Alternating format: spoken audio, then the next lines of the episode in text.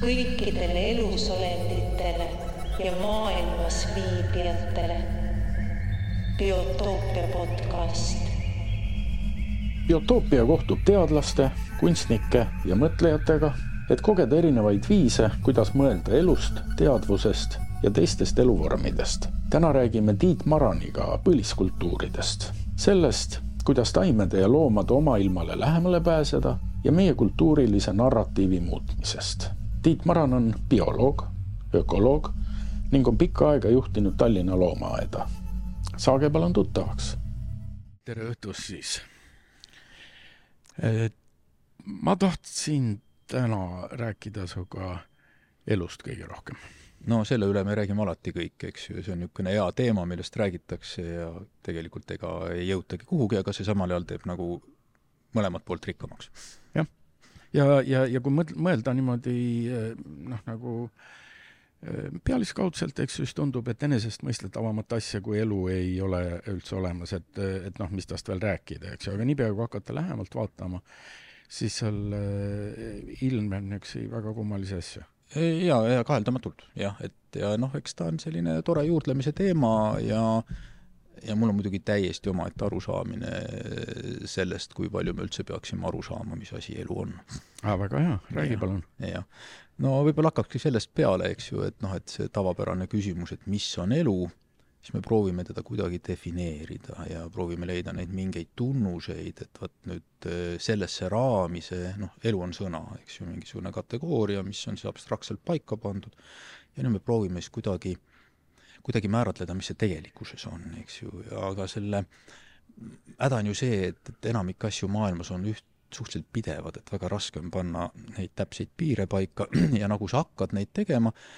nagu sa oled pannud paika mingi definitsiooni piiri, siis järgmisel hetkel avastad sa, et ups, vaata see asi jääb kuskilt väljapoole, eks ju, et see nagu hästi nagu ei lähe selle asja sisse ja siis tekivad sul kohe hädad, sa pead kas laiendama seda definitsiooni kuidagi ühte või teistpidi, eks ju, ja sa satud hätta. ja, ja ma nagu ise kipuksin ütlema, et võimalik, et see on meie nagu sellise lääne kultuuri teema viga, et me proovime mingeid asju defineerida, mida ei peagi defineerima. me tahame nimisõnu teha? me tahame jah, tahame paika panna, eks ju, niisugused diskreetsed mõisted, et see on just täpselt see asi, eks ju, aga kas meil ongi seda tarvis, eks ju, et võimalik, et seal on sujuv üleminek, noh, siin ütleme, teaduslikul poolel debatt on, eks, kas viirus on elu või elu, ei ole elu, mis tähtsust see omab on seal vahepeal mingi asi, las ta olla selline, selline ta on, ega siis sellest, kuidas me neid kategooriaid paneme, see maailm, mis meie ümber ei muutu teistsuguseks, see on ikkagi täpselt samasugune, nii et et need kategooriad on mõnes mõttes nagu meie, noh, mitte mõnes mõttes, aga sõna otseses mõttes meie mõtlemise kategooriad, ja võib-olla natukene häda on vot selle lääne ühiskonna või lääne tsivilisatsiooni kultuuri mõtlemises see, et ta proovib kõiki asju raamistada. erinevalt sellest, mis on Oriendis, eks ju, mis väga sagedasti asju proovib defineerida läbi vastuolude, isegi absurdi,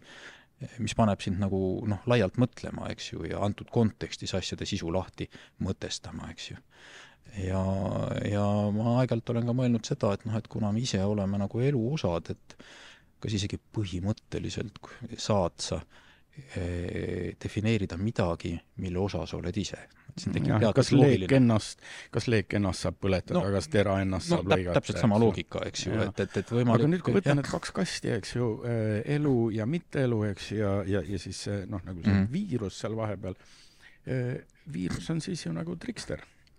no kuidas soovid, jah. kes ja., kes vilgub nagu noh, kategooriate vahel no võime ka nii võtta, aga jällegi see on need asjad, kuidas meie proovime asju lahterdada, eks ju, et, et meil on need kaks klassi seal klassi peal, vahepeal on midagi, mis hästi ei sobi ei ühte ega teise poole ja siis me paneme selle sinna kuhugi vahele ja no ta hästi ei sobi. ma toon sulle teise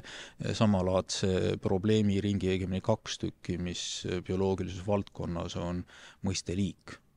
kõigile tundub, et see on väga selge asi, mis asi on liik, eks ju, väga lihtne asi on ju, et, et seal on koer ja seal on kass ja seal on orav ja, ja siis on pärnapuu ja kõik muu, aga nagu sa hakkad minema kuhugi mujale, siis ühel hetkel selle mõiste kasutamine muutub järjest keerukamaks, eks ju, noh, rääkimata sellega, et sellest, et noh, et et seesama, selle põhiliigi mõiste mitte toimimine on tekitanud ju ka selles bioloogilises maailmas nii palju proteste, et on välja töötatud palju erinevaid kontseptsioone väga erinevaid kontseptsioone, kuidas neid erinevaid eluvorme käsitleda, ma olen näinud kahte numbrit, kuusteist ja kolmkümmend on neid erinevaid liigi kontseptsioone, eks ju, mis ka viitab sellele, et noh, tegelikult on raske seda paika panna. Ja, ja kui sa nüüd, siin on veel teine pool, et ütleme, kui Linné omavahel selle bioloogilise süsteemi tegi, eks ega ikka ta vaatas seda, mis oli meile kõige mõistetavam ja lähedasem, eks ju, on siis siin äh, imetajad ja linnud ja taimed ja klassifitseeris neid nagu nii-öelda selgelt piiritlevatesse rühmadesse, aga kui ta oleks pidanud minema tasemele, kus kuskil on seened, eks ju, algorganismid, argid või limakud, ma kardan, et oleks omaette täiesti jätta jäänud, sest et noh, seal ei ole ju seda morfoloogilist tervikut, mille järgi sa seda üksust saaks üldse defineerida, mis asi on liik seal, väga keeruline öelda. ja veel keerulisem on öelda, mis asi on indiviid. seal tekivad ju probleemid eh, sõna otseses mõttes, et kus kohas on see piir.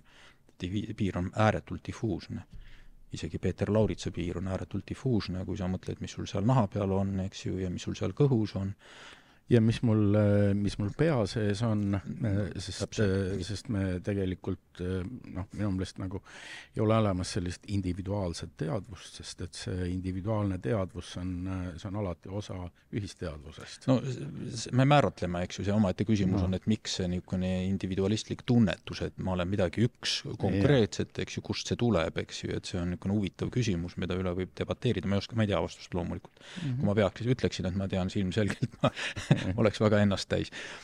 ja, ja teine noh, kui me räägime selle indiviidi tasemel veel ka ütleme niisugusest noh, inimtüübist, kultuurilisest loomast, eks ju, et et kui sa võtad ajarida, eks ju, ütle, kas mm, Peeter Laurits, nagu sa praegu oled, kas sa oled sama persoon, kui sa olid näiteks kakskümmend aastat tagasi. oi, päris kindlasti mitte. no vot, ja vaat see on samal ajal sujuv üleminek, eks ju, et väga ja. keeruline on neid asju niimoodi nagu määratleda, aga mõtlemiseks mingitel määradel meil on ikkagi tarvis seda, eks jah. no igal juhul me, me, kas me, kas me oleme indiviid või oleme kollektiiv, igal juhul me vaatame viirust, püüame vaadata viirust, äh, temast midagi aru saada, kas äh, kas viirus meid ka vaatab? vot siin on jälle natukene sellist, ähm, mis asi on vaatamine? tunnetamine, ma mõtlen kõige laiemat tunnetamist. just, eks, et äh, ma ei tea aus vastus on see, et ma ei tea loomulikult, eks ju. aga nüüd me võime hakata siia juurde konstrueerima igasuguseid asju, et kui kuskil on olemas mingisugune, võtaks selle tead Varela ja mm, Maturana selle autopoieesi põhimõte, kuidas nagu elu nagu defineerida selles mõttes, et me arutada saame, et kui meil on kaks mingisugust üksust, eks ju, mis sõltuvad väliskeskkonnast, Äh, nii sisendienergia kui väljamineku osas, eks ju, mis välja läheb ja samal ajal sees on teatud struktuurid, mis dünaamiliselt toimivad, et seda tervikut alles hoida, siis sellisel juhul see kognitiivsus on parat-, paratamatult vajalik, eks ju, et sellest lähtuvalt võiks öelda, et ei saa olla elus organismi, millel ei ole kognitiivsust. ainult et see kognitiivsus või see on väga erinev ja me ei saa seda defineerida läbi, läbi inimese, see on lihtsalt natukene nagu, nagu arrogantne, et sa arvad, et kõikidel peaks olema just selline kognitiivsus, nagu on Tiit Maranil ja Peeter Lauritsal. kui me võtame selle kõrvale mõne palmi, palmi, et tal peaks samasugune see olema, ta ei ole ju samasugune, et see oma olemuselt samasugune olla. ja nüüd viiruse juurde tulles, ma ei tea, ma ei oska sulle öelda, aga võimalik, et ma oleks liiga upsakas, kui ma ütleksin, et kohe kindlasti mitte et see oleks peaaegu mitteteaduslik, ma ütleksin, et kui ma välistaksin ilma, välistamine on alati teaduses väga keeruline, eks ju, et pigem ma kipuksin selle jätma sellesse kategooriasse, et ma ei tea. jah.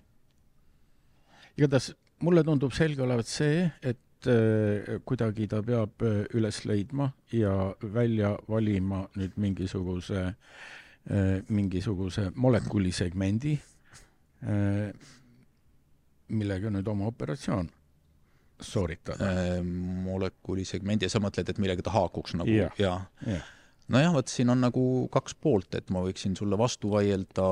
esmases lähenduses, et ei, aga see toimub juhuslikult.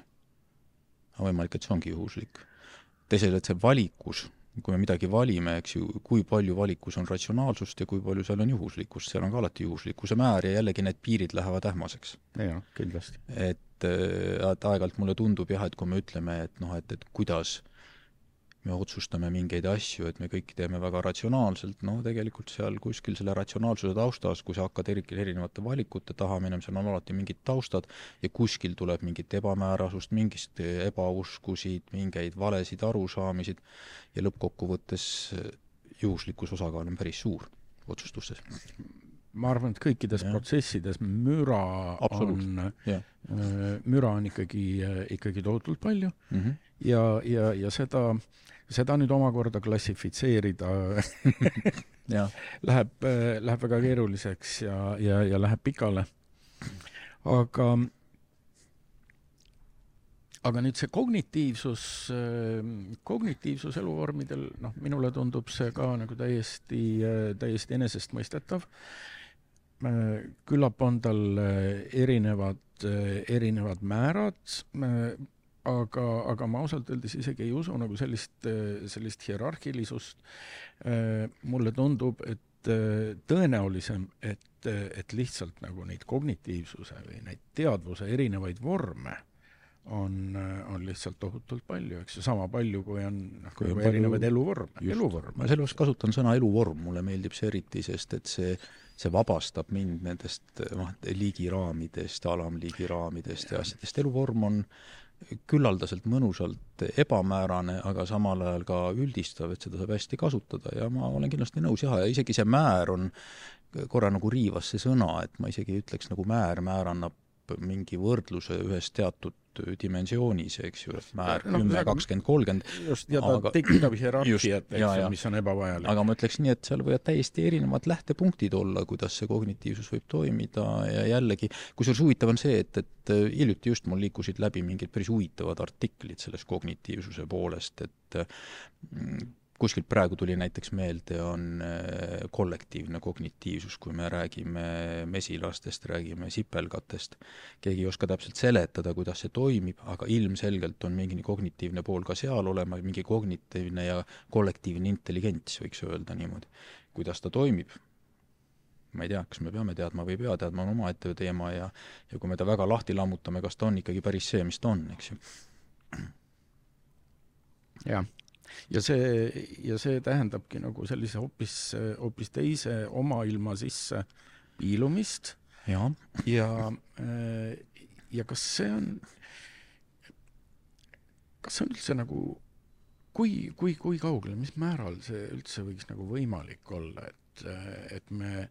et me lihtsalt ei loo omale illusiooni, et me, et me noh, nagu just nagu peaaegu mõistaks Äh,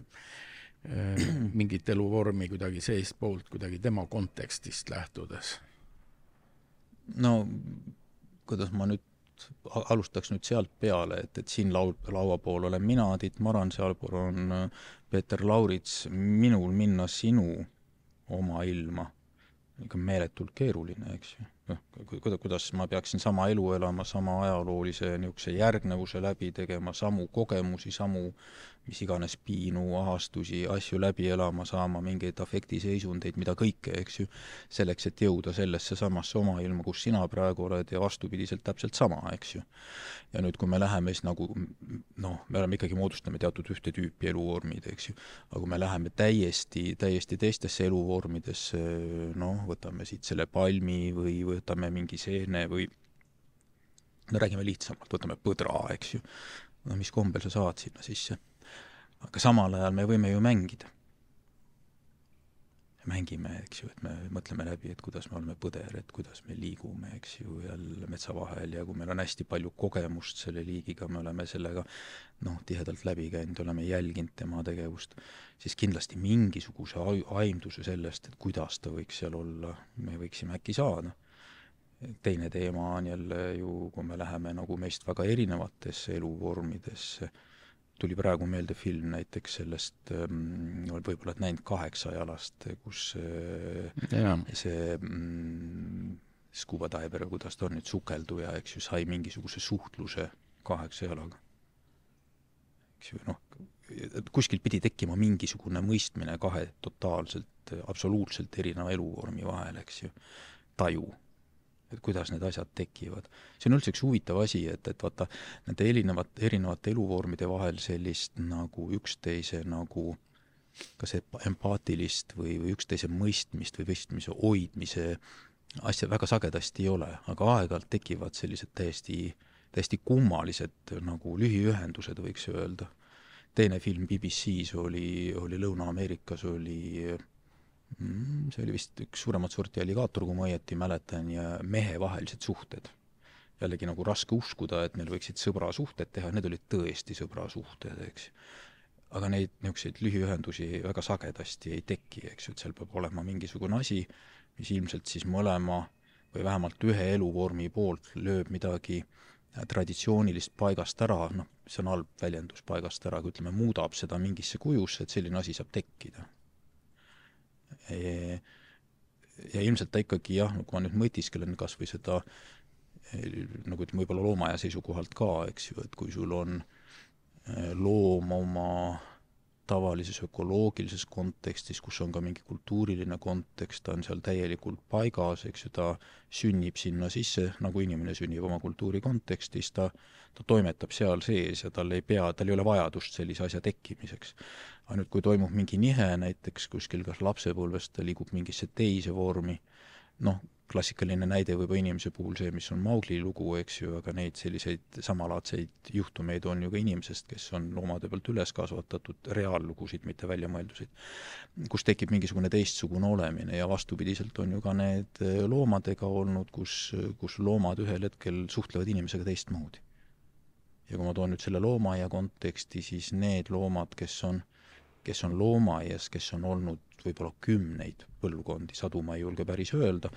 on olnud täiesti teises kontekstis, kus ei ole selles ökoloogilist süsteemi, milles osaled, seda ju ei eksisteeri, et, et ta elab tegelikult selle inimese kunstliku kont-, noh, kontrolli all, siis paratamatult see tähendab seda, et tal tekivad mingisugused hoopis teised äh, sisemised kultuurilised suhted. Oma ümbritsevaga ja teiste eluvormidega ja üks nendest on ka inimene, eks ju, et küsimus nüüd selles, et kas ta näeb inimesest endaga sarnasena või erisena, eri, erinevana, raske küsida, ta ei vasta. jaa, šamanismis. Äh, šamanismis on ju üsna palju sellist, äh, sellist loomaga samastumise püüdu, ühesõnaga mingisuguse, mingisuguse tootem või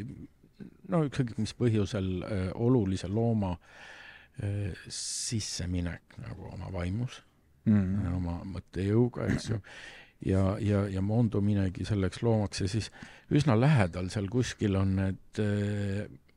libahundi lood ju äh,, hundiks jooksmised, et äh, siiski nagu mingisugune äh, mingisugune sund meil nagu tundub olevat nagu sinna teiste, teiste eluvormide eh, sisse minna, sest seda ju esineb väga paljudes kultuurides, see ei ole nagu üks kusjuures meist väga erinevates kultuurides. väga erinevates. Eh, ma ei hakka hinnangut andma paremaid või halvemaid, siis ma kipun arvama, et natukene paremates kultuurides kui meie kultuur, aga see selleks. Eh, jah, sul on jah, vist õigus tõesti, sest ähm, nii palju, kui ma lugenud olen, isiklikku nagu kokkupuutekogemust mul ei ole, on ka sellist asja, näiteks mul tuleb praegu urangaaslitega meelde see, et, et kui sa tahad šamaaniks saada, sa, sul, sul peab tekkima oma loom. ja seal on siis omad need protseduurid, kuidas selleks šamaaniks saada, kuidas see seos selle loomaga saada, ta läheb natukene sellest meie tavapärasest äh, scientistliku maailma loogikast välja, ta nagu ei mahu sinna sisse aga ma ei tahaks kohe seda nagu selle tõttu kõrvale lükata, sest paljusid asju on teadusega väga raske kindlaks teha, kui üldse võimalik. et, et see nagu seose saamine mingi teise eluvormiga, selle taju saamine, võimalik, et seal on midagi tõesti taolist. et keegi loomaliik või mingi eluvorm, kasutame nüüd siin seda sõna, eks ju, et see jääb sulle mingiks niisuguseks nagu toetavaks tüübiks kuhugi sinna keskkonda, aga see on tavaliselt vaata nendes kohtades, kus see kultuur elab ikkagi puhtalt veel selles ökoloogilises keskkonnas, on selle osa. ja selle kultuuri põhiline määratleja on tegelikult ökoloogiline keskkond, erinevalt meist, eks ju, kus me oleme enda ümber loonud väga kummalise noh, monstrum keskkonna ma isegi nimetaksin ja me ei saa siit enam hästi välja, see defineerib meid nii palju, et me isegi ei saa aru, mida me teeme keskkonnale ja mida me teeme iseendale. Hästi kummaline vastuolu on, eks ju, et, et kuidas saada aru seda, mis on tegelik elu, kui sa elad tegelikust elust väljapool. jaa.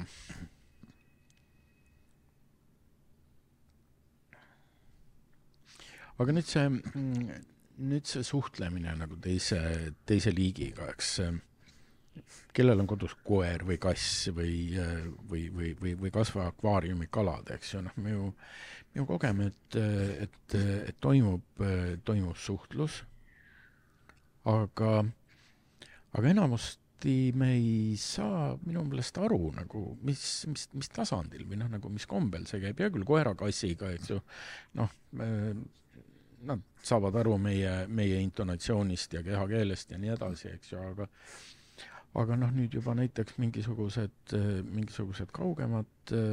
tegelased, kas või nagu ma ei tea, akvaariumikalad või, või, või, või putukad, keda peetakse või Äh, suhe ju on. jah, ja, ja teise poole pealt on see, et sa saad seda suhet ka uskumatult üle hinnata sa targa Hansu lugu tead võib-olla või ei tea hobusest, kes oskas arvutada? oi, seda lugu ma tean küll ja noh, see oli, see oli väga, väga toredasti äh,. seal on nagu teine taust, mis mulle kohutavalt meeldib, on see, et ma räägin natukene algusest selle räägi, loo, eks ju, et, leiti, leiti hobune, kes oskab arvutada, ta kopsis jalaga kui omanik ütles talle, et kui palju on kuus pluss kaheksa, siis ta kopsis kabjaga nii palju, eks ju, ja see toimis. ja kõik auväärsed akadeemikud, professorid käisid kohapeal, mõõtsid, vaatasid, no, no tõepoolest oskab. ja keegi ei osanud lahendust leida, kuni siis äh, ühel nagu algajal teadlasel, ütleme nii, magistrandil tuli äkki küsimus, et, et äkki me ei peaks ainult uurima hobust, aga me peaksime ka tema omanikku uurima ja alguses öeldi, see on hulluks läinud, mis mõte, me uurime ju hobust, mitte omanikku, eks ju. aga selgus, et on need mikroliigutused, mida hobune suudab lugeda ja tänu sellele ta, need mikroliigutuste põhjal ta nägi, millal ühel hetkel oli see koht, kus nüüd oli see piir, mitu korda ta pidi kopsima, nad on hästi tähelepanelikud, enamik eluvorme on noh, ütleme, imetajaid on palju tähelepanelikumad kui meie, eks ju. ja vaat sealt see tuli asi, aga mulle just meeldis see nagu see teaduse poole peal, et kui sul on üks nagu teatud kontseptsioon paika pandud, siis seda öelda, et ei, et lükkame ta laiemaks, see kipub olema väga raske, sest et sa oled selle raami paika pannud, eks ju. vot see on see lihtsalt, et aeg-ajalt võib väga üle hinnata neid asju, et sa võid minna sinna kuhugi uitama mingitesse kohtadesse ja teha vale, valesid järeldusi, aga teise poole pealt äh, mis ma ise olen nagu, nagu äh, läbi tunnetanud, et äh, omaenda kogemuste põhjal, et ükskõik, kui sa mingi eluvormi, no kasutaksin nüüd kitsamalt ikka liiki, Äh, väljendit äh, pead toimetama, siis kui sa tahad sellega nagu eluga toimetada, nagu eluvormiga toimetada, mitte et ta on sul mingi füsioloogiline element, kus sa pead mingit katset tegema, lõikad tükkideks ja nagu väga sagedasti ka teaduses tehakse, et siis ikkagi ainukene võimalus on see, et sa pead temasse suhtuma kui teise kognitiivsesse olendisse et ma mäletan seda omaaegset kogemust, et kui ma noh, ülikoolist tulin, üli-, loomaaeda ja hakkasin naaritsatega tegelema, eks ma olin võtnud sisse seda niisuguse tavalise akadeemilise hariduse, mis sel ajal nagu sellest, et, et noh, loomad on kognitiivsed olemused, olevused, noh, eriti palju ei rääkinud, eks ju, et noh, sisuliselt ikkagi oli arusaamine, et nad on biorobotid, et neil puudub oma maailm, eks ju, et, et nad alluvad teatud sisemistele reeglitele, mis on läbi evolutsiooni käigu tulnud ja noh, läbi selle proovisin ka kuidagi kangesti siis neid paljundusprogrammi või paljundusprogrammi seal loomaaias tegema hakata, aga need mudelid ei töötanud, eks ju, nad läksid omaaeg noh, mõtlemismudelid või niisugused, mis oli ette antud, et kuidas mingi füsioloogia peab käituma või kuidas loomad peavad käituma, aeg-ajalt käitusid, siis käitusid teistmoodi, eks ju. ja vot ühel hetkel tekkis see tunne, et tegelikult kui sa selle teise eluvormiga toimetad, et sul peab olema mingi sisemine respekt, et sa pead hoidma kogu aeg seda sisemist respekti ja vot nüüd on see, et kas see on minu fantaasia või juhuslik kokkusakkumine, aga sellest hetkest alates, kui ma suutsin enda jaoks ära defineerida seda, et, et sa ükskõik, mis sa selle loomaga teed, isegi kui sa oled sunnitud ta magama panema, noh, ütleme tapma siis, eks ju, mingitel põhjustel, sa pead igal juhul sellesse teise eluvormi suhtuma sisemise respektiga et, et sealt see nagu naljakas asi, et jah, et paljundusprogramme nagu mängime Jumalat, aga teiselt poolt see on nagu mingi kummalisel kombel nagu kahe erineva eluvormi vaheline koostöö. et et ja see on nagu oluline, et ma olen seda enda sees kogu aeg kandnud, eks ju, et, et alati peab objekti vastu, objekt on halb sõna siin, eks ju, teise eluvormi vastu olema sügav respekt, respekt, sest ta on täpselt samasugune kognitiivne olemus äh,, nagu sa ise oled, eks ju, see, ma ei mäleta nüüd, kes see oli, see äh, kellel on see tuntud ütlus, et kui sa vaatad, et loom vaatab sulle otsa, siis arvesta, et tema näeb sind ka, et see annab selle kognitiivse poole väga hästi välja ja,. jah, jah. minu meelest seda, äh,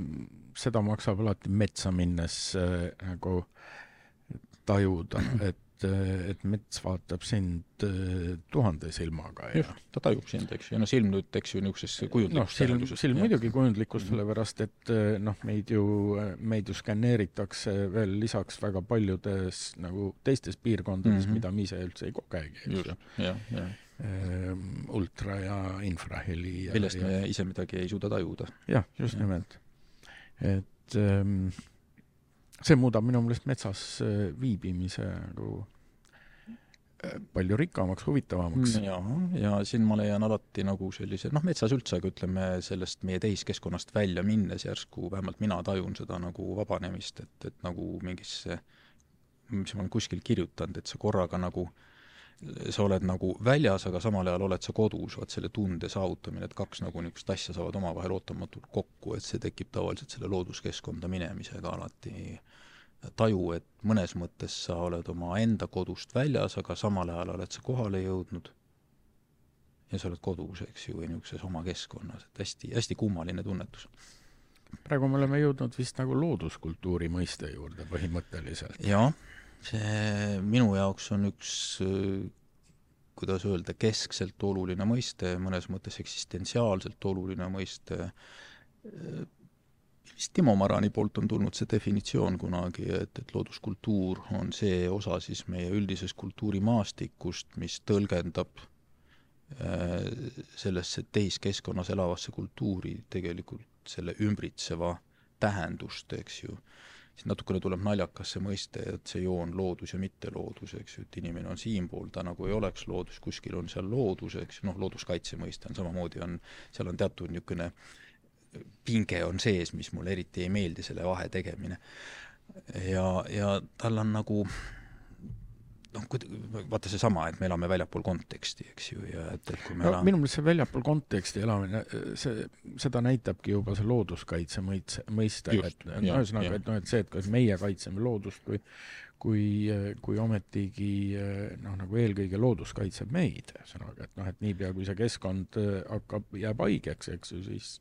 meil hakkab ju väga-väga no, halb. see kooskõla, kus me oleme, me oleme selle konteksti osad, eks yeah. ju, et, et kui see kontekst läheb paigast ära, siis seda korrigeeritakse, seal ei ole teist võimalust, me oleme selle osa yeah., yeah. seal on teatud piirid antud, eks ju, ja kuna meil on antud see kultuuriline võime eh, tekitada endale illusiooni, et me oleme erinev, eri, väljapool seda, eks ju, siis selles on väga suured riskid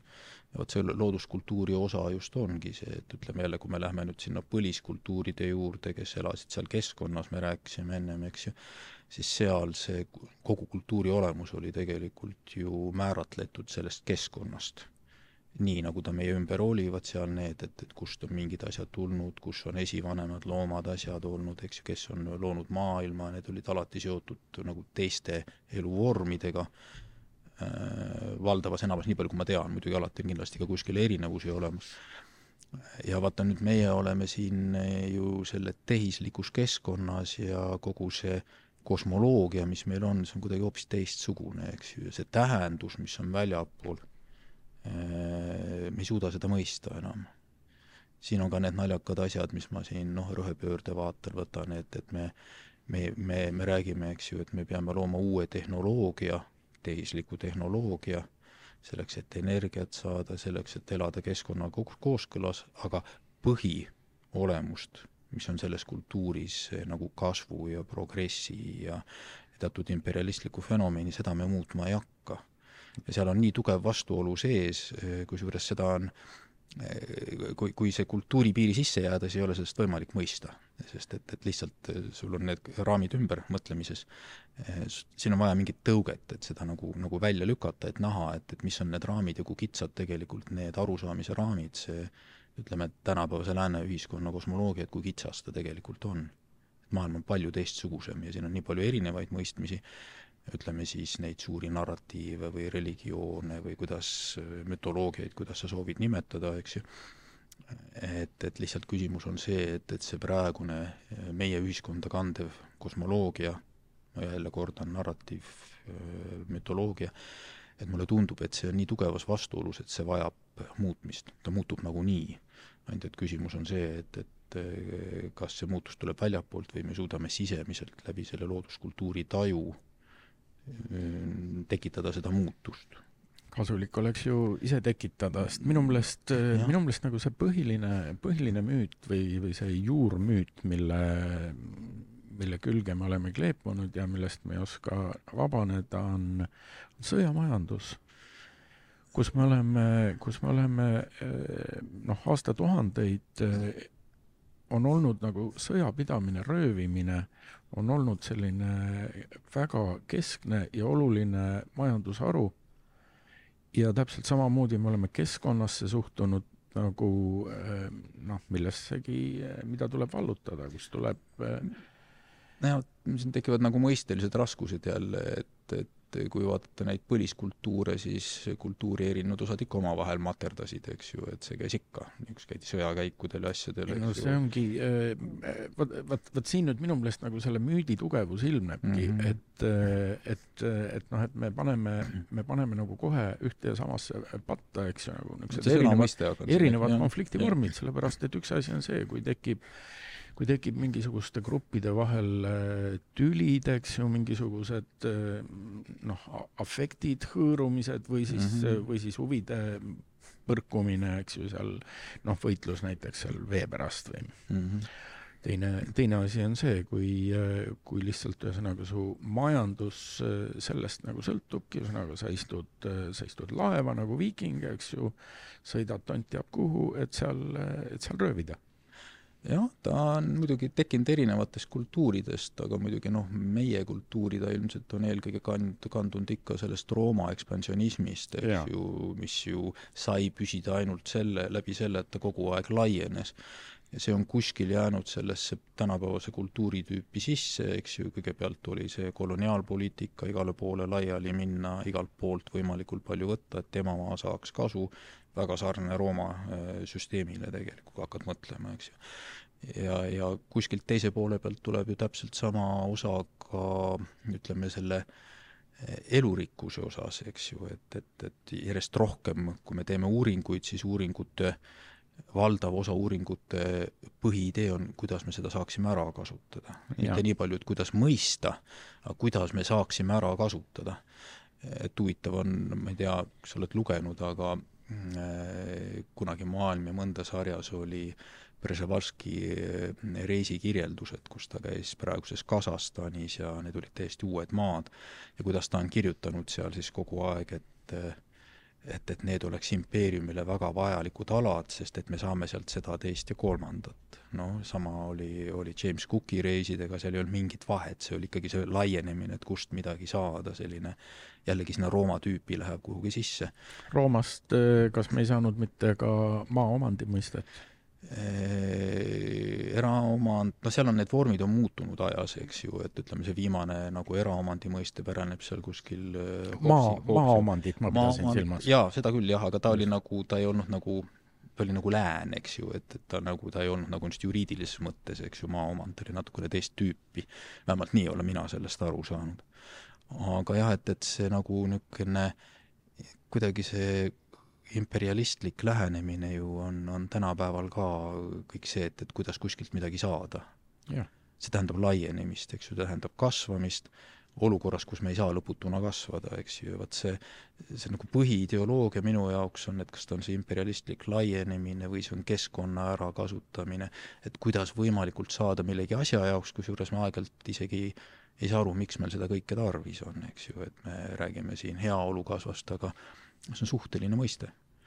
et millal on heaolu küllaldaselt, et jällegi, kui nüüd minna selle heaolu teema peale tänapäeva ühiskonda ja vaadata seda põliskultuurilist kanti, ma ei räägi nüüd seda industriaalühiskonna enda algusaega, eks ju, kus noh, töölisklassi elu oli ikka kohutav, see oli õudne, aga läheme sinna varasematesse aegadesse, siis tegelikult eh, selleks, et ennast elus hoida, oli vaja märkimisväärselt vähem panustada kui tänapäeval, vähemalt noh, võtame selle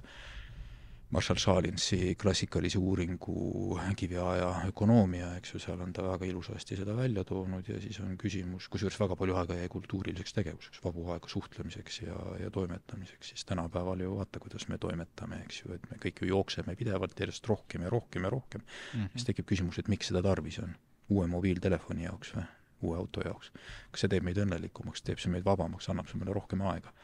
Siis tekib see nagu mingi kummaline ring, millest enam nagu ei ole võimalik välja tulla, sest see on meie kultuuri kontekstis, me mõistamegi asju niimoodi. ja, ja kui sa sealt välja astud, siis pilt läheb kuidagi väga skisofreeniliseks kohe. ja aeg-ajalt sa, aeg-ajalt sa sellest pildist äh, lähed ikkagi välja, sa lähed, sa lähed Hiiumaale, sa lähed äh, loodusesse või kuskile mujale, metsa, kuhu iganes, eks ju. ja, ja, ja, ja siis sa leiad äh, teistsuguse olemise? jah, ma, ma iseenda sees olen mõelnud seda, et, et kui niimoodi ära käia sellest noh, nagu töisest keskkonnast, et see on nagu nagu ütleme, mingi taustsüsteemi korrastamine. et sa paned ennast jälle paika, sest et ma, ma tunnetan seda, et kui ma olen väga pikka aega siin olnud, ma muutun niivõrd selle süsteemi osaks, et mul hakkavad sisemised pinged tekkima et mul nagu väärtushinnangud lähevad paigast ära, mul tekivad pinged sisse ja selleks, et noh, asju panna õigetesse vahekordadesse, ma pean korra välja astuma. ma pean selle stabiilsuse, tasakaalu paika saama, siis ma tulen siia ja ma suudan noh, selles kontekstis, mis meie ümber on, edasi toimetada aga midagi ei ole teha, kui väga kaua olla, siis ühel hetkel ta hakkab jälle alla neelama, siis sa pead jälle minema, et noh, et, et, et seda mentaalset poolt nagu korrigeerida no aga kaua sul võtab aega eh, Hiiumaal kõigepealt, et nüüd nagu uuesti see selline, selline tasakaal üles leida? Ehm, see ei juhtu kohe. ta ei juhtu kohe, eks ju. ta on ilmselt mitmes järgus, et üks moment on see, et kui sa kohale jõuad, siis on vaata see, et, et ma olen kohal tunne, eks ju, et ma olen tagasi nagu kuskilt ekspeditsioonilt tulnud, ma olen tagasi jõudnud. mingi rahu tuleb aga noh, seal natukene sõltub ka selle nagu sellest olukorrast, et kui palju sul sees seda pinget on. ja mis ma olen leidnud alati on üleolu-, ülioluline, on, on lihtsalt minna metsa ja tavaliselt kõige parem äh, võimalus on see, kui sa võtad mingi raja, äh, mitte mingit rada, mis on inimese poolt tehtud, aga sa lähed suvalist äh, metsas käiku mööda, uitad, lased ennast lahti nagu kõikidest asjadest, noh, umbkaudselt sa ikka tead, kus kohas sa oled, sest et Hiiumaalt sa ilma ujumata ära ei saa, eks ju, sa oled seal kinni.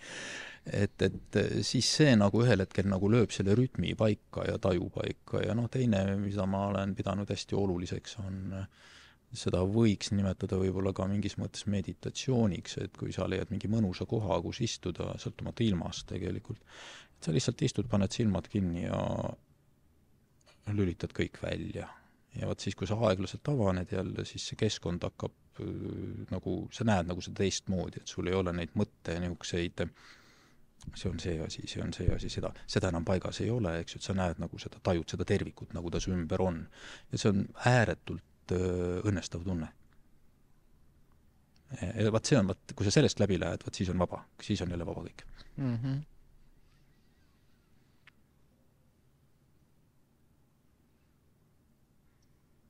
selles mõttes äh, jah, et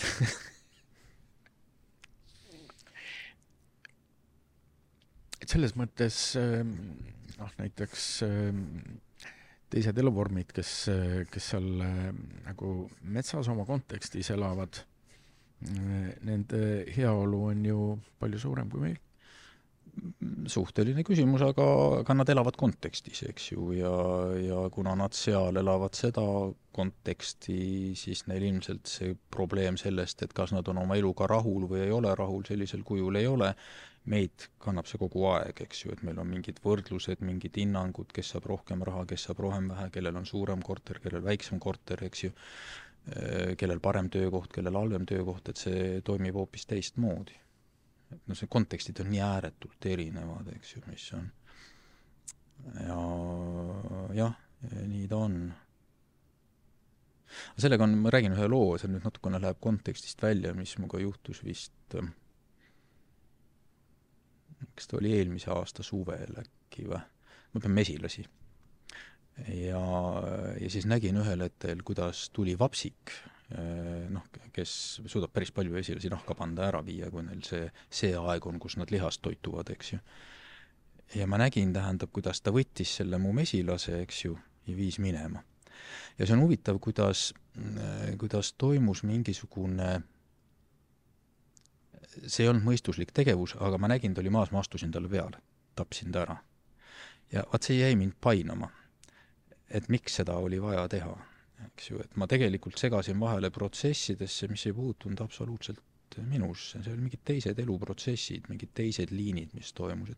vapsik, oma vajadusega süüa saada, need mesilased, kes ta võttis, tema tegi seda, mida ta pidi tegema, eks ju, mesilane oli nii, nagu ta oli, miks oli mul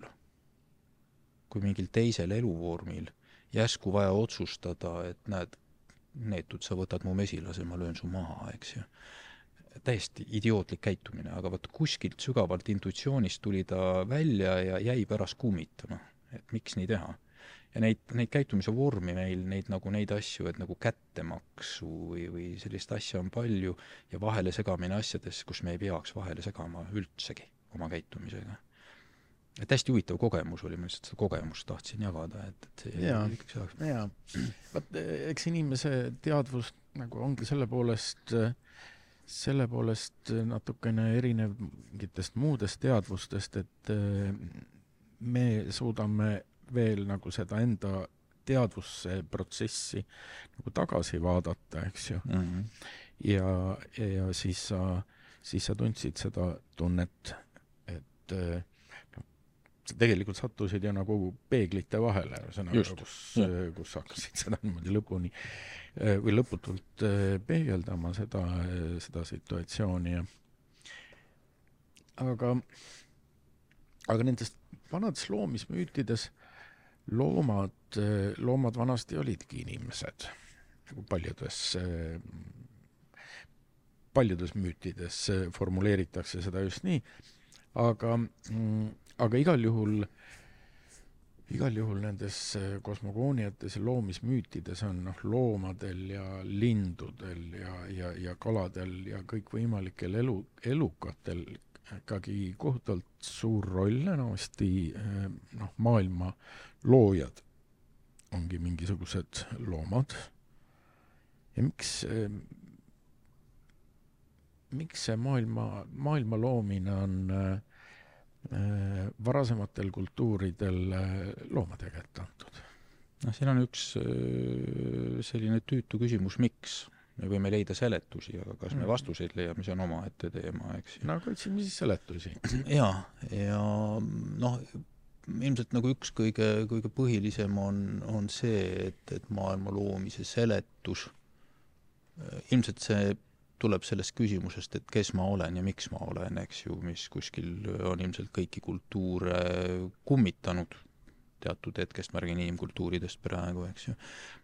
ja selleks, et sa saad paika panna ennast siia sellesse keskkonda, leida küllaldaselt seletusi, sa pead looma mingid lood ja siis sa lood need lood ja kui sa oled põliskultuur, ma pean nüüd sellest, kes jälle elab selles ökosüsteemis, siis paratamatult see määratleb ära, et sa võtad sealt mingid elemendid, eks ju, mis seda toimetavad, neid, muidugi neid kultuure on nii tohutult palju ja erinevuseid on tohutult palju, see jälle see, ütleme, selle põliskultuuri ühise nimetaja alla viimine, see on niisugune läänemaailma nagu tagasivaatvalt ülim lihtsustatus. Et seal on uskumatult palju erinevaid, on seinast seina müüte ja arusaamine aga ilmselt noh, kõige loogilisem koht on, et sa võtad oma väljast mingi asja ja ta peab millegipärast sobima sulle sellesse seletusse. ja noh, ma ei tea, kas mind füüsikud löövad maha pärast, kui ma hakkan oma, oma järgmist juttu praegu sulle rääkima, aga aga kui me võtame seda nii-öelda suure paugu teooriat, eks ju, et see on üks hästi huvitav asi, on, et et seal on taga mingid äh, matemaatilised mudelid, äh, mis peelduvad paljudel eeldustel, et, et toimus mingisugune asi, ajas, mis meil on täiesti hoomamatu, sest meie mõtlemise aparatuur, meie mõisted, need ei saa toimida keskkonnas, kus ei olnud biosfääri, kus ei olnud õhku, kus ei olnud aineid, elemente. ja kui me nüüd proovime selle suure paugu panna, siis juba see sõna suur pauk, sellisel ajal sellist asja ei saanud olla, eks ju, noh, pauguks pidi olema mingeid asju, mis sai toimima, pidi olema mingi kõrv, kes seda suutis kuulda. et kas me tahame või ei taha, selle matemaatilise mudeli, mis on loodud, me oleme tegelikult, me räägime sellest, kas ta on vale või õige, see on omaette teema. ja ma ei hakka seda vaidlustama, ma olen absoluutselt ebakompetentne selles osas.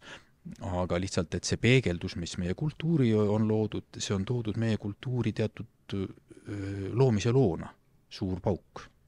aga siin ei ole midagi teha sellest loodusliku keskkonnaga, mis varasemad need nagu põliskultuuri müüdid olid. me oleme müüdi loonud mingisuguse energia või mingi niisuguse noh, plahvatuse näol, eks ju, et hoopis teistsugune alus et, et siit võib ka öelda, et noh, et miks siis tänapäeval ei ole, eks ju, loomade poolt, aga noh, keskkond on teistsugune, me oleme teise aluse loonud sellel. ja kui ma sulle ausalt ütlen, siis puhtalt nagu luulelises mõttes mul näiteks seesama Järve-Kauru, Kauri müüt, kes äh, maailma lõi, eks ju, tõi mudamaa sealt merepõhjast, ta on nii poeetiliselt ilus, mulle meeldib ta palju rohkem. Ja minule, minule ka meeldib ja, ja need äh, munadega maailmade Just, loomise ja. lood ja noh, neid, neid poeetilisi ilusaid äh, lugusid, neid on tohutult palju, üks kaunim kui teine. ta on seletus, eks ju, mingi seletus ja, ja ta, ta jääbki nagu, nagu müüdilooks, sest tegelikult me elame selles konkreetses ruumis, selles konkreetses kontekstis ja see, mis juhtus seal miljardeid ja miljardeid aastaid tagasi, ta võis nii juhtuda. Olen väga nõus sellega, aga me elame siin, praeguses hetkes ja meil on siin oma kultuuriga väga suured probleemid. jah, see Järve-Kauri äh, lugu on tegelikult äh, noh, puudutab meid äh, praegu hetkel palju lähemalt, palju konkreetsemini ja, ja, ja, ja valusamini mm. -hmm. aga nüüd need, nüüd need maailma loomised, kuidas seal, kuidas maailmaloojatena taimedega lood on? tead, ma mõtlesin selle peale ja mul on nagu läbi, läbi udu tuleb, et ma olen kuskilt lugenud äh, mingis kohas, kus on ka taimedega soodud,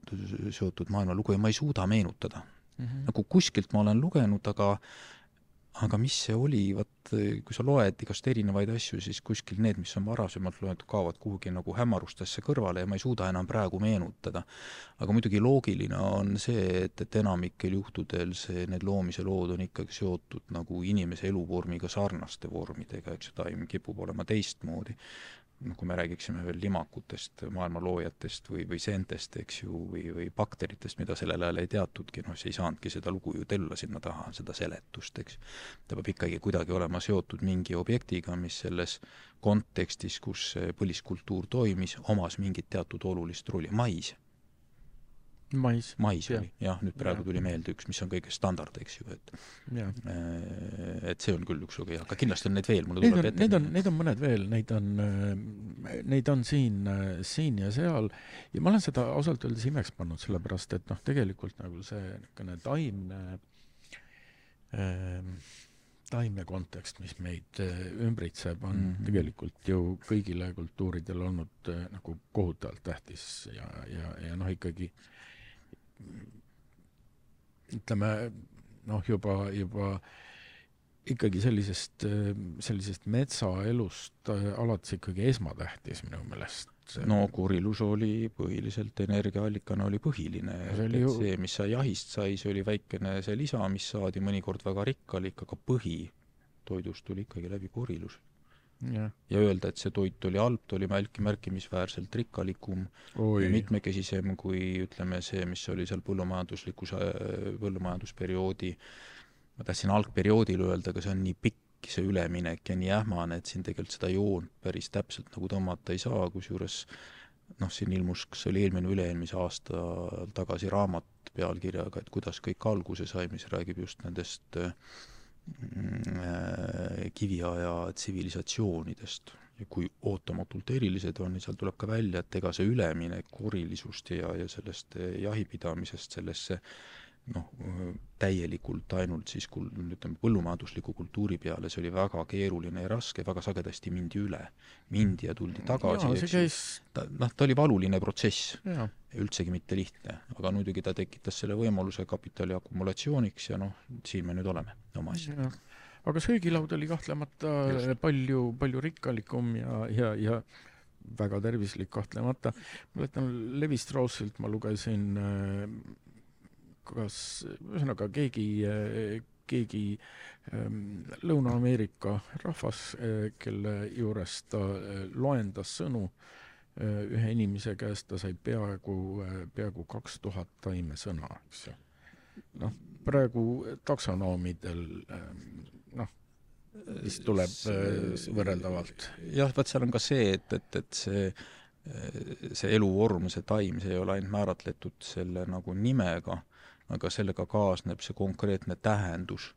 mis sellel taime eluvormil on, eks ju, siis selle kultuuri jaoks, kuidas seda kasutada, mismoodi kasutada ja nii edasi, kunagi no see on nüüd palju aega tagasi, kui ma olin Põhjalaoses, kolasin ringi ja siis käisime metsas koos, äh, see oli animistide küla, kus ma elasin, siis viidi meid äh, nende pikkade longboat idega üles, õhtul siis äh, lõkke ääres istusime ja Budamungast, kes oskas inglise keelt, siis tõlkis meid ja ja siis me käisime ringi ja ma küsisin ravimtaimede kohta ja siis ta vaatas ühele poole, ütles, et vot see taim hakkab, aitab selle vastu, see taim aitab selle vastu, see taim hakkab selle vastu. ja siis oli mingi, ma ei tule enam meelde, mis haigus, mis oli, mis oli sinna alale uus tulnud. ma ütlesin, ma teen Krutskiga küsimuse, et vaata, eks ta nüüd ütleb mulle mingi jama, eks ju, aga et noh, mis selle haiguse vastu aitab, ütles, et ei, selleks peab linna minema, et selleks me, me ei tea, mis selle vastu aitab. Et lihtsalt see oli nii uus asi, nad, neil ei olnud kogemust, eks ju, kust see kogemus tuleb, on omaette huvitav teema aga nagu see nagu viitas sellega, et ikkagi see, kui sa elad kontekstis, need teadmised tulevad kuskilt kaudu kummalisi radu kogemustest igast teisimoodi, aga ta teadis, mida ta rääkis. ravimtaimed on, on üldse üks, üks kummaline teema, et tegelikult ju praegune farmakoloogia põhineb ju nii tohutult palju nagu nende taimedelt leitud molekulidel ja ja noh, nagu nende edasi sünteesimisel, edasi arendamisel, aga aga see on ju ka nüüd tegelikult alles viimase mõnekümne, mõnekümne aasta areng mm, -hmm. eks ju. Äh, et äh, siiani kogu aeg me oleme ravinud ennast ikkagi, ikkagi taimede väega ja kas nüüd see selliste, selliste nutikate molekulide tootmine, kas see on nüüd äh, mingi taimeviis nagu ütleme, liigiüleseks suhtluseks või no, maailmadevaheliseks kommunikatsiooniks? jah, siin on, minu jaoks ta vist hakkab liiga, liiga kaugele minema, aga ravimtaimedega on jah, ütleme no vot, seal on see, et, et, et mida sa nimetad kommunikatsiooniks ja siis tekib küsimus, kas see nüüd üks molekul omab ka mingit kommunikatiivset võimet või kuidas iganes, et, et see läheb väga keeruliseks, see asi vähemalt meie mõtteraamides. aga, aga, aga ravimtaimedega ma laiendaks seda veel, eks ju, et neid raviomadusi on ju ka loomsetel igasugustel vormidel tehtud, kui me võtame seda kogu Hiina traditsioonilist meditsiini, mis tekitab meeletut probleemi maailmas praegu ohustatud liikidele, eks ju, siis äh, ühelt poolt kiputakse seda väga tugevalt nagu ütlema, et neetud Hiina traditsiooniline meditsiin, aga probleem ei ole niivõrd palju see traditsiooniline meditsiin, millel on väga sügavad juured, äh, ajaloolised juured, aga selle kommertsialiseerumine et ta muutub tegelikult peaaegu enda antipoodiks ühel hetkel, kui sa hakkad talle andma kaubanduslikku niisugust vormi, eks ju, et noh, kui on vaja järsku tuua sealt Ameerikast mingit asja või siis Aafrikast, millel tegelikult selles vanas vormis ei olnud tähendust, sinna tekivad müüdid juurde, ja selle taimede ravimise ja selle puhul on ka huvitav, et noh, et kui öeldakse, et vaadake, mis nad Hiinas teevad, kui sa oleks läinud keskajal näiteks kas Pariisi või, või Londoni turule, siis see, mis seal turul müüdi ja mis oli apteekides müügil, see on praktiliselt samasugune, ainult muidugi nendest eluvormidest, mis siis seal ümbruses olid, kas tal on raviomadused, me võime vaadata nende nutikate nii-öelda molekulide osas ja me võime öelda, et tal ei ole väga sagedasti me ei ole suutelised seda kindlaks tegema ja ilmselt ka ei ole, aga teise poole peal hakkab see teine asi, mis on oluline, mida mulle tundub, et nagu eh, alati, mitte alati, aga väga sagedasti tänapäevane meditsiin nagu mm, alahindab, on selle oma sisemise ravivõime vallandamine. ma ei saa praegu öelda seda väljendit, mis öeldakse, eks ju, kus sa annad nagu mitte midagi, aga inimese usk vallandab selle terv-, terv-, terveneva protsessi. et et aga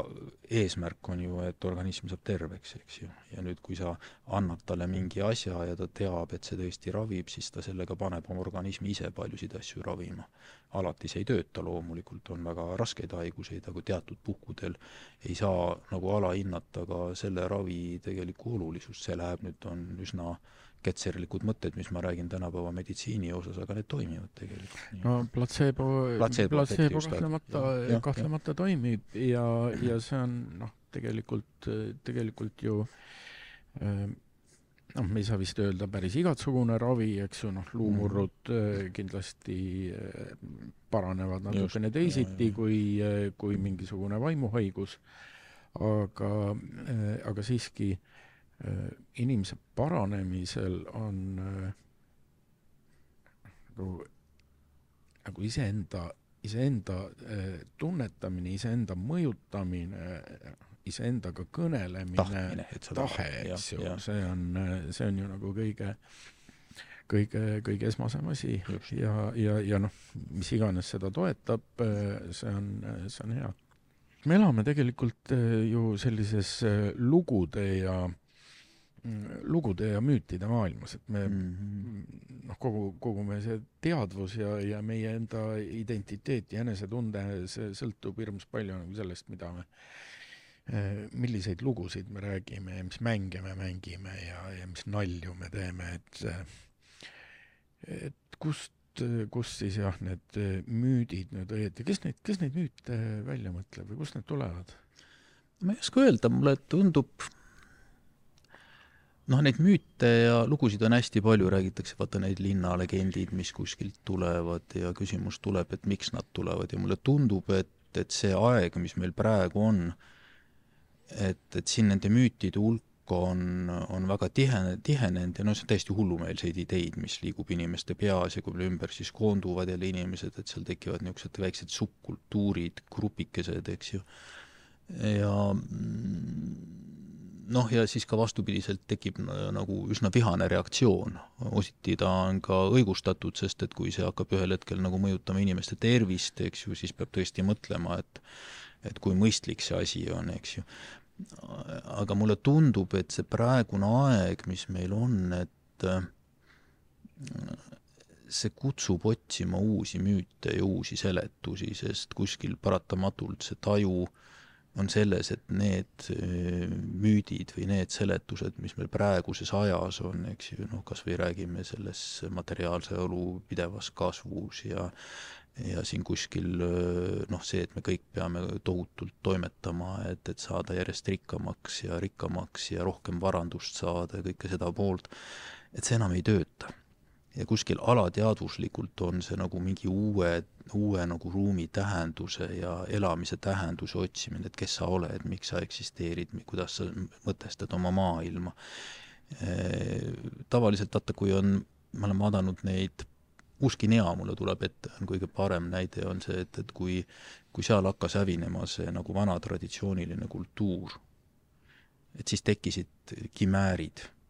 kimääruskumused, eks ju, mis ei sobinud eriti mitte kuhugi, aga nad olid olemas. ja ma, ma nagu kipun arvama, see on minu enda püsik-, nagu isiklik arvamus, et need ongi nagu, kui mingisugune üks müüt hakkab lagunema, et siis, siis alateadvuslikult müüdi olevus, nagu me oleme, et meil on vaja seletust, et aru saada, kuidas me eksisteerime siin maailmas, me hakkame otsima midagi uut ja noh, täpselt sama on ka näiteks seal, kus kristlus on omal ajal nendesse põhi, põliskultuuridesse sisse läinud ja selle vana kultuuri müüdid hävitanud, paigast ära löönud, siis seal tekivad ka niisugused, et proovitakse leida, seal on niisugused nõidade tapmised ja niisugused päris räiged asjad, mis tekivad. ja mulle tundub, et see tänapäevane aeg on ka taoline, kus jah, et et see, mis meil praegu on, see ei ole enam küllaldane et see ei sobi, noh, kuskil see alateadvuslik taju on olemas, et see ei ole küllaldane, et eksisteerida, inimesed ei ole rahul nende müütidega ja nad otsivad teistsugusust. see, mis rahuldaks neid ja nagu ikka on selle otsimise puhul, on, mm, on võltsiminekuid on hästi palju, eks ju. no tekib igasuguseid äh, lameda, lameda maa teooriaid ja, ja chemtrail'e ja noh, näiteks Lamemaa on tegelikult, on naljakas, et ma arvasin, et see on äh, nagu uus nagu mingisugune naljakas müüt, aga siis ma sattusin tänu sellele, et me seda loomaaias vihmametsa tegeme, lugema Russell Wallace'it, tema elulugu,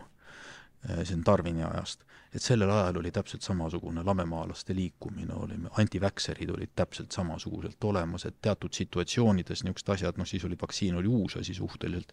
aga see oli ka väga raske aeg, eks ju, eks ju, Inglismaal see niisugune tööstusrevolutsiooni ja niisugune pingete aeg, et seal tekkis samamoodi niisuguseid otsinguid mingitesse teistsugusustesse seal ja noh, võimalik, et ka praegune aeg on tegelikult, me otsime. Et meil, meil ei, meil see seletus, mis on jah, et ta ei ole nagu küllaldane enam, et on midagi muud tarvis, aga mis see on, keegi tegelikult ei tea. aga mis praeguses ajas on sinu jaoks nagu kõige, kõige ägedam või huvitavam uus müüt, mis on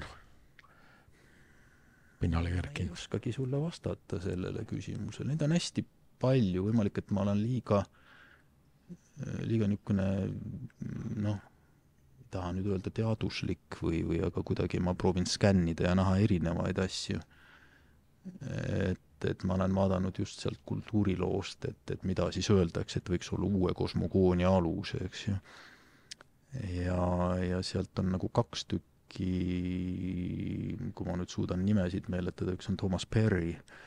ta on teoloog ja kultuuriajaloolane, hästi huvitav mõtleja just see, need erinevate kosmoloogiate osas ja tema nagu põhiväide on see just, et me vajame ka uut kosmogo-, kosmoloogiat, maailma seletust ja ta pakub, et see nagu alguskoht võiks olla universum, universum tervikuna, noh minu jaoks ta jääb oma tajult, ma arvan, et ta on liiga hoomamatu, ta on liiga suur, liiga kauge meist ja siis teine on, on müütide uurija, mütoloog, ma ei saa ta nime praegu öelda, mm, noh, nimi jääb praegu võlgu, aga tema nagu on pakkunud välja planetaarse müüdi et, et planetaarium kui, või ütleme, planeet Maa kui tervik oma biosfääriga ja selle väärtustamine ja, ja selle loomi, selle keskselt nagu siis üle, ülesehitamine, sinna jääb sinna ökosüsteemi osaks olemine, biosfääri osaks olemine, et ta nagu laiendaks selle väärtuse mõiste inimese praegusest humanistlikust maailmavaatest hoopis laiemaks. Ja mulle endale see tundub kõige sümpaatsem olevat, aga nüüd kuidas vaat siit sellest tehislikust praegusest kandist sinna laia pilti minna, no eks selle, sellele vundamendi tegi ju Lovelock oma Gaia äh, teooriaga. Äh, jah, no ta see Gaia lihtsalt see mõiste on väga tore, eks ju, ja see, et, mhm. et, et organismi või tähendab, maad võib vaadata nagu organismi, jällegi, kui sa vaatad Maturana ja selle Varela selle autopoiesise põhimõtte, siis see tegelikult sobib väga hästi sinna. et, et see, see mudel mõtlemiseks, selle põhjal on biosfäär on üks tervikorganism kindlasti ka. tal ei ole jah, replitseerimist, vähemalt me ei tea, et oleks, eks ju, aga, aga ütleme, kogu see nagu sisemine kontroll, välismõjuritele mõjutamine, protsesside muutumine, et mingisugune nagu keskmine püsimine jääks alles, energia sissevõtmine, millegi väljalaskmine, see on täpselt samamoodi töötab, kui me võiksime rakku vaadata. et selle järgi ta võiks toimida. jah yeah aga kuidas see hüpe toimib ja mismoodi, kas jah, et kuidas, kuidas see, kuidas see, kuidas see kultuuri nihestus äh, võiks toimuda nagu sinnapoole et...? jah, vot seesama, see, see raamat, mis ma mainisin, see, et, et kuidas kõik alguse sai, seal olid sellised huvitavad, minu jaoks nagu, ma tulen natukene jutust tagasi, et minu jaoks nagu põhiline küsimus on see, et kas kultuur saab ise teha diametraalset muutust või on niimoodi, et ta peab lagunema algosadeks ja sealt hakatakse üles ehitama uuesti mingit kultuuri või see kultuur, kultuur esitab endasse mingit teise vormi. aga sealt tulid välja niisugused huvitavad kohad, kus äh, varasemas selles kiviaja nendes tsivilisatsioonides on toimunud põhimõtteliselt kultuuri järskusid muutuseid, äh, põhjuseid me täpselt ei tea, aga ilmselgelt on toimunud muutuseid. et see on nagu selline tore positiivne märk, et põhimõtteliselt see võiks võimalik olla tahaks väga loota, et ja teiselt poole pealt ma alati ütlen, et noh, pessimism on elu kõige sitem elustrateegia üldse, mida võib välja mõelda, nii et tasub ikka positiivne olla ei no kindlasti ja lõppkokkuvõttes me ju elame muutuste raamatus. just, ja me läheme väga suurtesse muutustesse sisse, eks ju. ja, ja sinna me oleme praegu minemas ja, ja see on kõik väga huvitav. just, väga, minul on väga põnev ausalt öelda ja eluaeg, et esiteks sa tulid sealt Nõukogude süsteemist välja, mis oli mm. meeletu murrang, eks ju, me lähme praegu järgmisesse munarmurrangusse ja kui nüüd öeldakse, et on maailma lõpp, vot see on nüüd sellise ma loodan, et kristlased ei pahanda mu peale, aga nagu kristliku maailmalõpu arhetüübi rakendamine, eks ju, et maailm saab otsa, ei, maailm ei saa ja. otsa, ta läheb teistsuguseks, vahepeal iga, iga maailma lõpp on äh, Millegi terve, terve, terve rea maailmade algus. just, jah, jah. Ja nii ta tulebki käsitleda, eks mm. -hmm jah, et ühesõnaga, et noh, et kas kultuur ise saab ennast iseenda seest ümber defineerida? ja, ja, ja või on selleks vaja mingisugust, mingit šokki, mingit vapustust, mingit lagunemist? no see tavapärane, nagu mul oli mõtlemine, ongi olnud see, et noh, et, et siin ei ole midagi teha, et me peame mingist meeletust šokist, lagunemisest läbi minema, et see algosadest hakkab mingi uus kultuuritüüp üles ehitama, ehituma mitte et keegi ehitab, eks ju, ta ehitub üles iseenesest, et ta on ka niisugune süsteem, eks ju, mis ise loob iseennast. aga mm, vot siis, kui ma lugesin seda raamatut, kust kõik alguse sai, nendest äh, kiviaja tsivilisatsioonidest, tavaliselt öeldakse, et kiviajal tsivilisatsiooni ei olnud, et enne põllumajandust tsivilisatsiooni ei olnud, mis tegelikult ei vasta tõele, eks ju me lihtsalt ei tea neid asju paljusid, olgu, oli ta seal Ameerika mandril, Ukrainas muuseas oli üks hästi suur ja huvitav, mida ma ei teadnud, eks ju, väga suur üllatus. Mm,. siis seal on ei, Sung-, Sungiri matus. Äh, ma praegu ei mäleta jah, aga see oli, huvitav oli see, et ta lääne mm, teaduskirjandusse ei jõudnud sellepärast, et lihtsalt see keelebarjäär oli, see oli kuskil eelmise sajandi, kas ta oli keskpaigas, oli juba teada need asjad. Yeah kusjuures märkimisväärselt suur tsivilisatsioon. aga noh, see nüüd tuli kõrvaljutt, aga mis ma seda rääkima hakkasin, oli, oli sellepärast, et sealt tuli välja, et teatud juhtudel on kultuurid sisemiselt muutnud ennast teistsuguseks. see virvarr, eks ju, kui palju neid erinevaid kiviaja kultuure ja tsivilisatsioone oli, see on nagu, see on muljetavaldav, eks ju, et see on nii kirju, et seda ei ole võimalik nagu isegi ümber jutustada, sest et noh, järg kaob ära, kui neid kirjeldatakse ja see annab nagu niisuguse positiivse lootuse, eks ju, et, et muutused on võimalikud. kuidas ta täpselt tuleb, siin võiks tuua sellesama liblikatiiva efekti, eks ju, me kunagi ei tea, mis kompleksses süsteemis mingi muutuse toob. kõik võib juhtuda, mida rohkem erinevaid katsetusi on, mingeid muutuseid teha, seda kasulikum see on ja, ja noh, teine on just see, et noh, et, et kas see siis, mis tulemas on, et kas ta on maailma lõpp eks ju. et tegelikult ta ju ei ole maailma lõpp, see on see kristliku arhetüübi mõtlemine, kristlikud andku mulle andeks see seostus, aga tegelikult on lihtsalt minemine mingisse määramatusesse, mingitesse väga rasketesse ja kummalistesse muutusperioodidesse, mis vaatlejale on ääretult põnevad. no selle lootusrikka noodiga võikski siis lõpetada. Ma usun küll mm. -hmm. tänud! aitäh!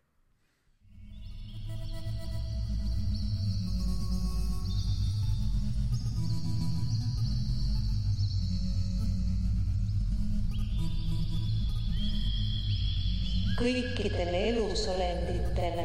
ja maailmas viibijatele. biotoopia podcast